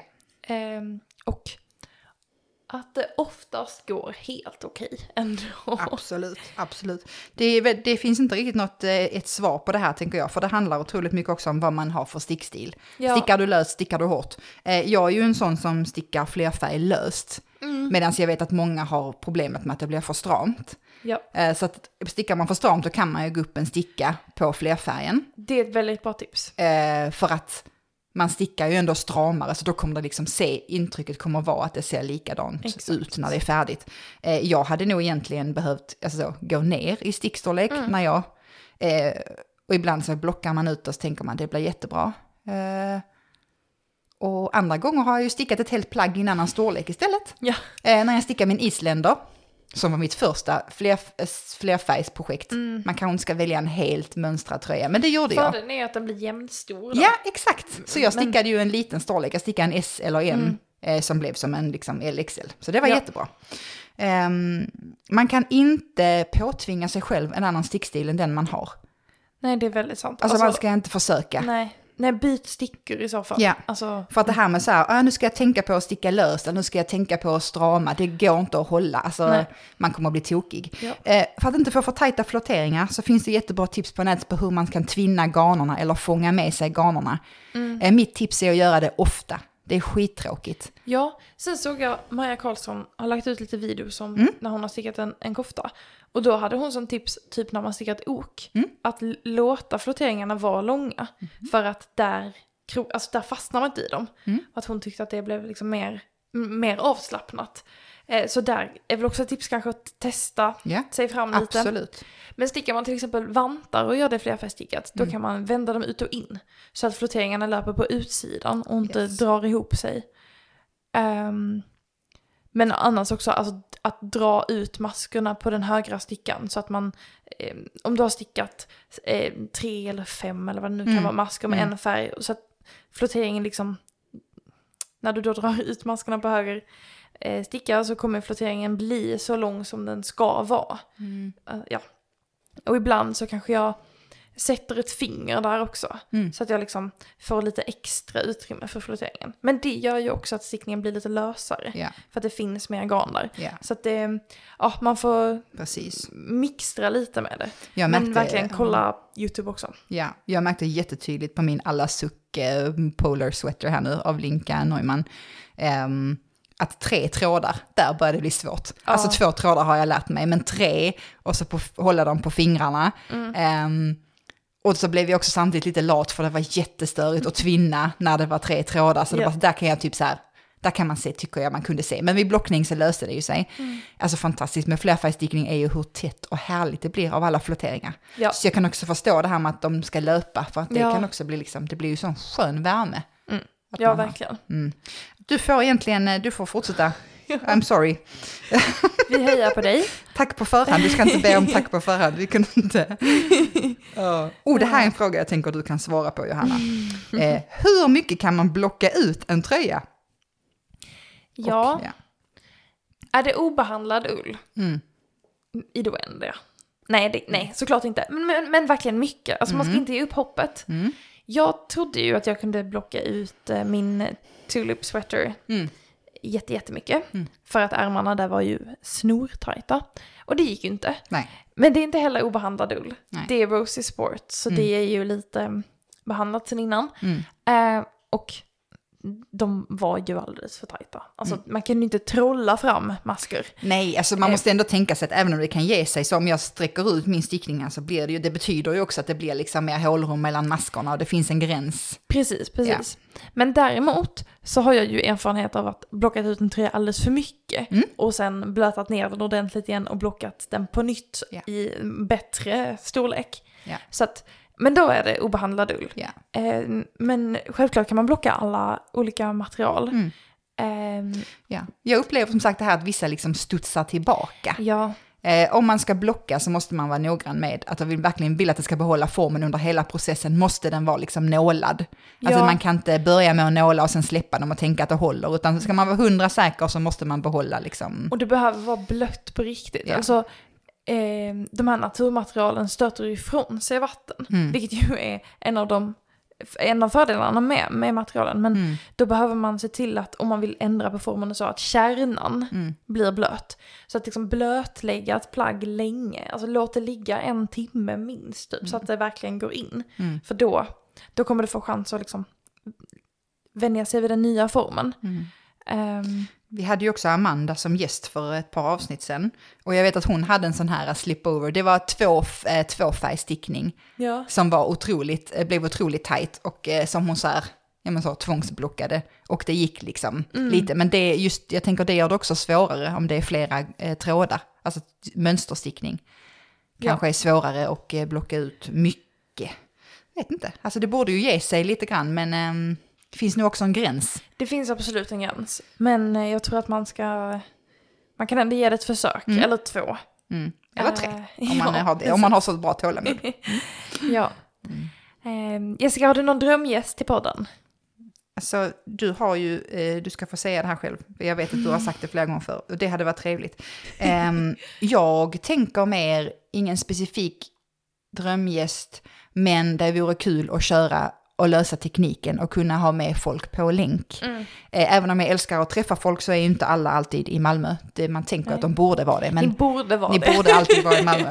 Eh, och ska ni hit vad andra ärenden så skriv. Det var ju sån här läkebagger-grej eh, nu för en Ja. workshop och där var ju jättemånga. Vi vill ju jättegärna spela in så här eh, poddavsnitt med alla Ja. som har vägarna förbi Skåneland. Ehm, men det vore vara liksom, jag tänker det är lättare att få pratat med folk. Ja. Och du tycker att jag ska svara Maja? Jag tänker att alla, Mm. alla vet att du kommer att svara Maja. Jag hade tyckt det var väldigt mysigt att ha Maja med i podden. Mm. Ehm, så det ska vi väl försöka lösa. Mm. Jag hoppas att hon vill. Mm. Eh, Men alltså allmänt bara, det är så himla roligt att ha gäster för att vi får ju liksom, kvalitetstid med massa mysiga stickare. Ja. Det, det är svinkul att ha Precis. gäster verkligen. Och det är ju kul för att du och jag sitter ju bara här och stickar och pratar. Det här är ju som en stickträff fast vi, det blir inspelat och ni kan lyssna. Ja. Och det är exakt så det känns när man har gäst också. Det är Mm. bara som man får lov att sitta och sticka med Verkligen. en kompis. En stickkompis. Ja, vi ska snart runda av, men eh, jag Mm. tror att vi har kanske två, tre, oj, det var lite fler frågor. Vi, vi, okej, vi tar lite fler frågor. Det gör vi. Eh, här är en fråga till mig, Mm. eh, som är någon som har eh, virkat för mycket och fått ont i armen Mm. och undrar om jag kan dela med mig av vad som har hjälpt mig med att återhämta mig från min stickskada. Mm. Ehm, och ja, så alltså för, åh det är så himla länge sedan nu. Är det två och ett halvt år sedan? Det kan nog stämma. Oj. För två och ett halvt år sedan så stickade jag svinmycket.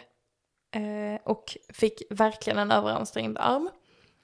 Och ett av de stora problemen för mig var att jag inte slutade. Utan jag har verkligen en tendens att när saker börjar göra ont eller saker går emot mig, då liksom istället för att pausa så tar jag i mer. Mm. Jättedumt och jag jobbar på det. Ehm, men så det, ja, det som har liksom, min resa tillbaka har ju då dels tagit lång tid. Mm. Så det är svårt för mig att veta vad, vad är liksom att en specifik sak har hjälpt och vad är att det har gått tid. Mm. Men jag tänker ändå att jag ska eh, dra vad jag har gjort. Mm. Så eh, vid den här tiden så gick jag hos en fysioterapeut på grund av andra dumma saker. Och så jag pratade med henne. Och jag pausade i kanske två, tre månader helt. Eh, och då märkte jag ingen skillnad, min arm var liksom svinspänd. Mm. Jag jobbade dock hela tiden fortfarande, så Mm. det var ändå många, många timmar vid tangentbord. Ehm, så det var då, ja, på hösten för två och ett halvt år sedan som det började. Så på våren, då började min fysio ge mig akupunktur, eller så triggerpunktnålar Mm. i min arm. För att hitta liksom olika punkter, eh, för att liksom tvinga muskeln att börja slappna av. Så då under en tid så gick jag på det en gång i veckan. Eh, så fick jag leda på en brits och det var hemskt. Men det blev också, det blev bättre, alltså armen Mm. började slappna av. Mm. Ehm, och eh, sen så har jag under lång tid också gått på massage, kanske en gång varannan månad typ.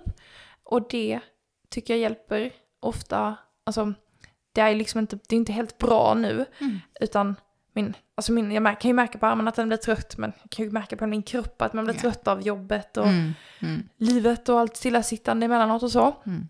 Så då kan jag tycka det är väldigt skönt att, eh, att ha någon som kan liksom hjälpa till lite på djupet. Och, mm, det, det sitter verkligen inte bara i min underarm utan det sitter också i hela skuldran. Om jag, jag kan liksom känna att jag liksom halkar fram med axeln för att musklerna börjar bli trötta och då liksom börjar de mindre musklerna ta vid. Mm. Ehm, så då kan det vara också så här att jag behöver göra styrkeövningar och aktivera skuldrorna. Mm.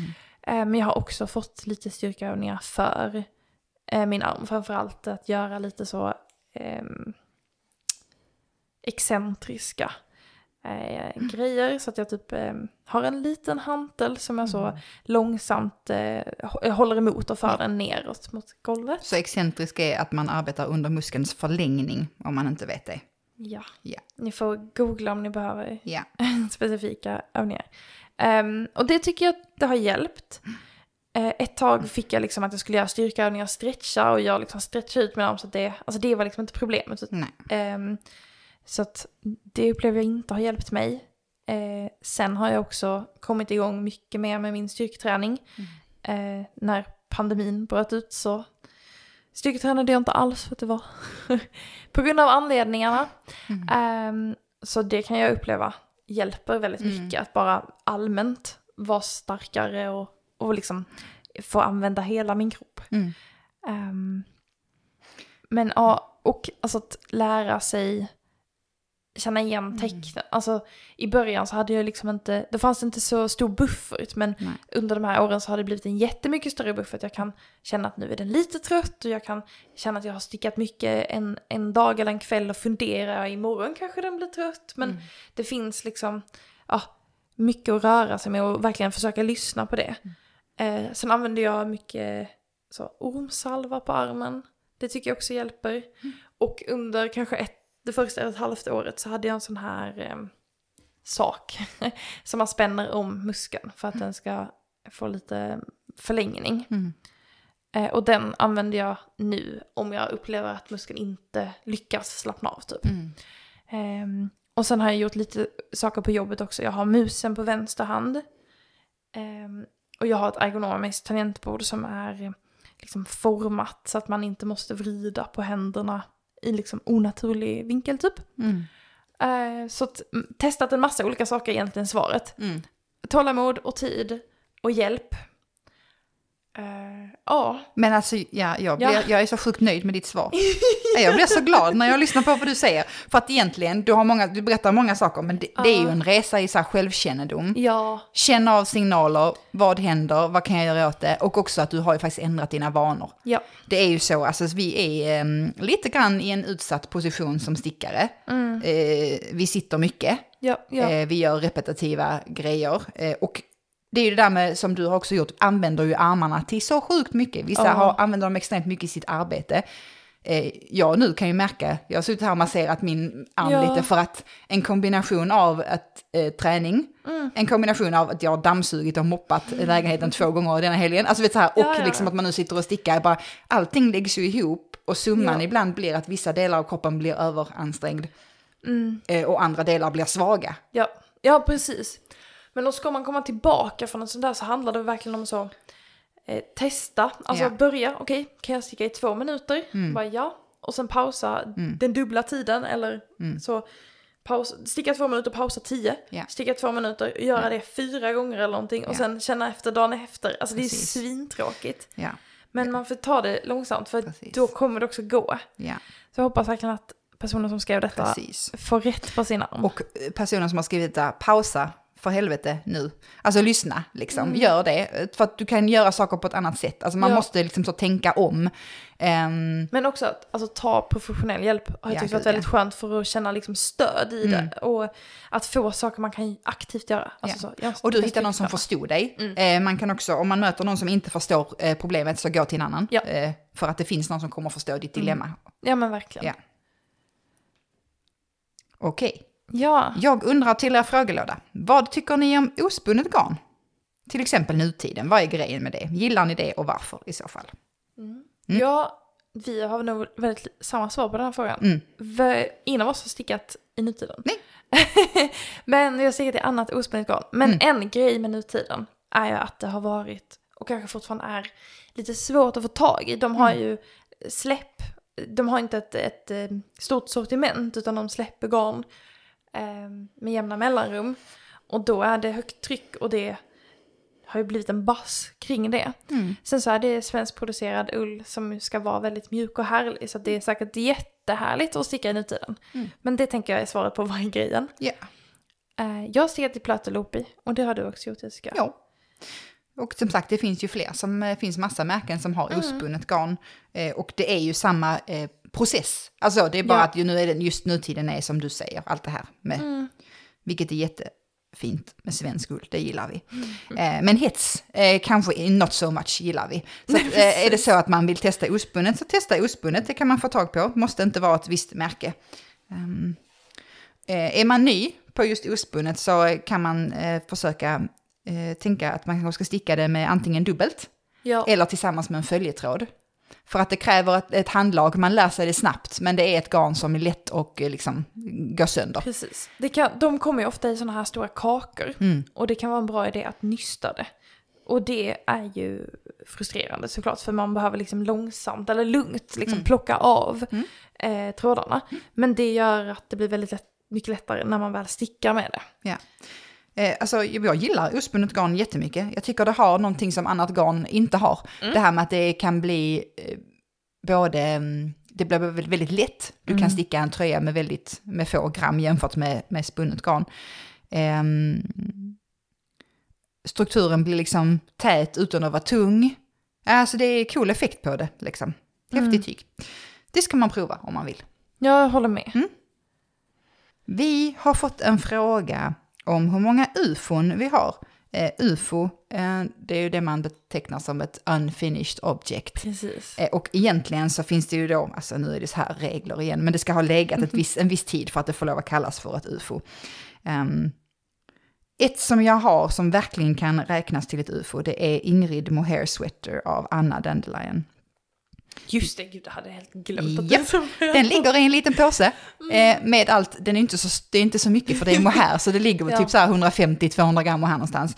Ehm, jag började på den för två år sedan, stickade lite. Ett år senare eller två tog upp den igen, provade att sticka lite, men hade ju då såklart glömt vilken sticka och stickfasthet och allt sånt. Ehm, jag tror att det kan bli en bra tröja, men suget är inte riktigt där än. Nej. Vi får se eh, vad det blir av den.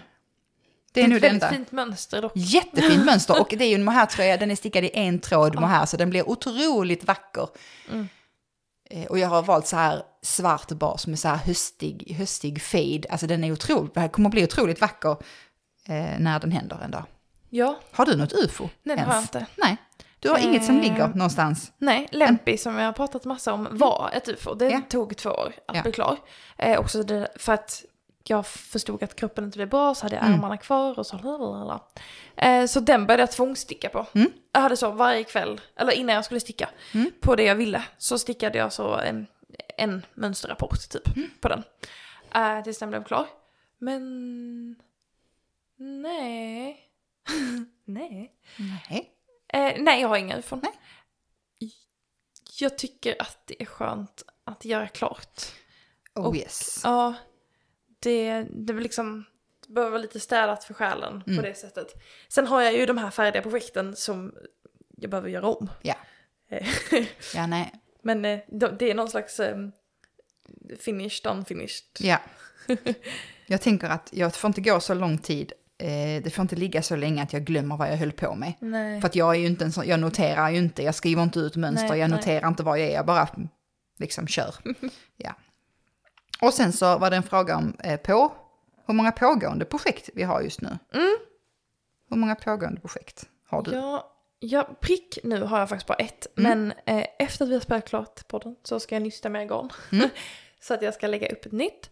Men just nu så stickar jag faktiskt bara på en presentstickning. Mm. Så det, men jag ska ehm, lägga upp en eh, tröja till mig själv. Mm. Jag har... men där innan jul hade jag liksom flera projekt igång. Mm. Jag hade både mitt pannband, jag hade min Sofieshawl och så hade jag, eh, jag har minst två julklappsstickningar igång samtidigt. Så jag har haft en period av att liksom bli klar med dem. Ja. Och ehm, ja, jag har precis blivit klar med min väst också, men det kommer vi prata mer om i, i Mm. nästa avsnitt. Men så jag är mer att jag har grejer jag behöver blocka och liksom Mm. få ut så. Ja. Så där är jag liksom i, i processen. Mm. Hur, hur många pågående projekt har du? Ja, nu ska vi räkna. Jag hade ju också en så här, sån här spurt, typ där någonstans innan Ja. året tog slut, där jag blev färdig med några massa grejer. Så jag tycker inte att jag har så mycket nu, men nu ska vi se. Mm. Eh, jobbstickning, det är Ja. Sophie Charles jag sitter med här. Sen har jag ju påbörjat eh, första projektet från min Make 9, nämligen Mm. Nomad Jacket. Och den ska vi också prata mer om i nästa avsnitt. Ehm, sen teststickar jag The Big Pocket Cardigan för Notorious Knitter. Sen har jag en halv tröja i akrylgarn till Sam. Men jag behövde helt plötsligt stickan så den, den har jag lagt på. Och, alltså nej nu pratar vi om fler, fl- fler floppar. Men alltså jag bytte garn och bytte hejvilt. Så att det är typ, alltså jag tror jag stickar storlek eh, 11 år. Så han kunde, han är ganska stor men så han kan ha växa i. Men alltså den passar en vuxen. Vi får se vad som händer med den. Ja. Och sen har jag en halv korshamn cardigan som ska repas. Men jag har inte så många. Vad är det? Tre? Nej, och så nej. två som kanske blir något. Det är lite för att vara med. Men jag är nöjd. Ja. Ja. Det är bra. Jag försöker också minimera nu. Jag känner att det skulle Mm. vara rart att kunna... Rart är väldigt anstort. Ehm, jag börjar bli trött nu.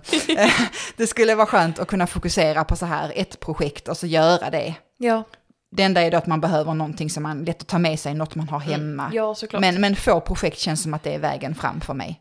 Jag har ju haft min småstickat eh, period. Mm. Och då blir det också väldigt enkelt att eh, inte ha så många. Mm. För att man avslutar dem hela tiden. Ja, och jag kan känna den där stressen när jag har för mycket, att jag ska bli färdig och så stressar jag och stress är inte heller bra för stickning. Alltså det är ingen bra nej, kombi. precis. Ehm, Nej.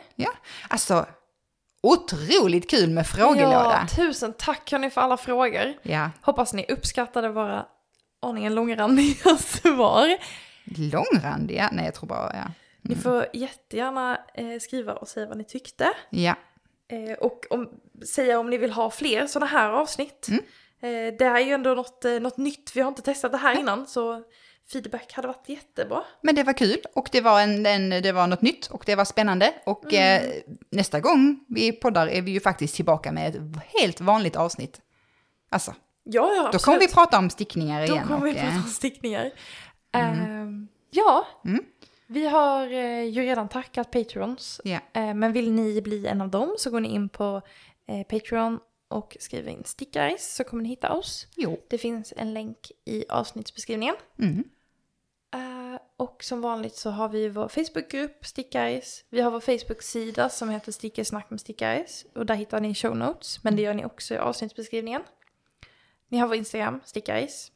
Ni hittar Jessica på Fru Harvigsson om ni även vill se kallbad och dylikt. Mm -hmm. Och ni hittar mig på Johannas Nystan. Och med de orden så tror jag att vi eh, tackar för att ni har lyssnat och eh, säger hej då. Tusen tack. Tack, tack. Tack, hej då.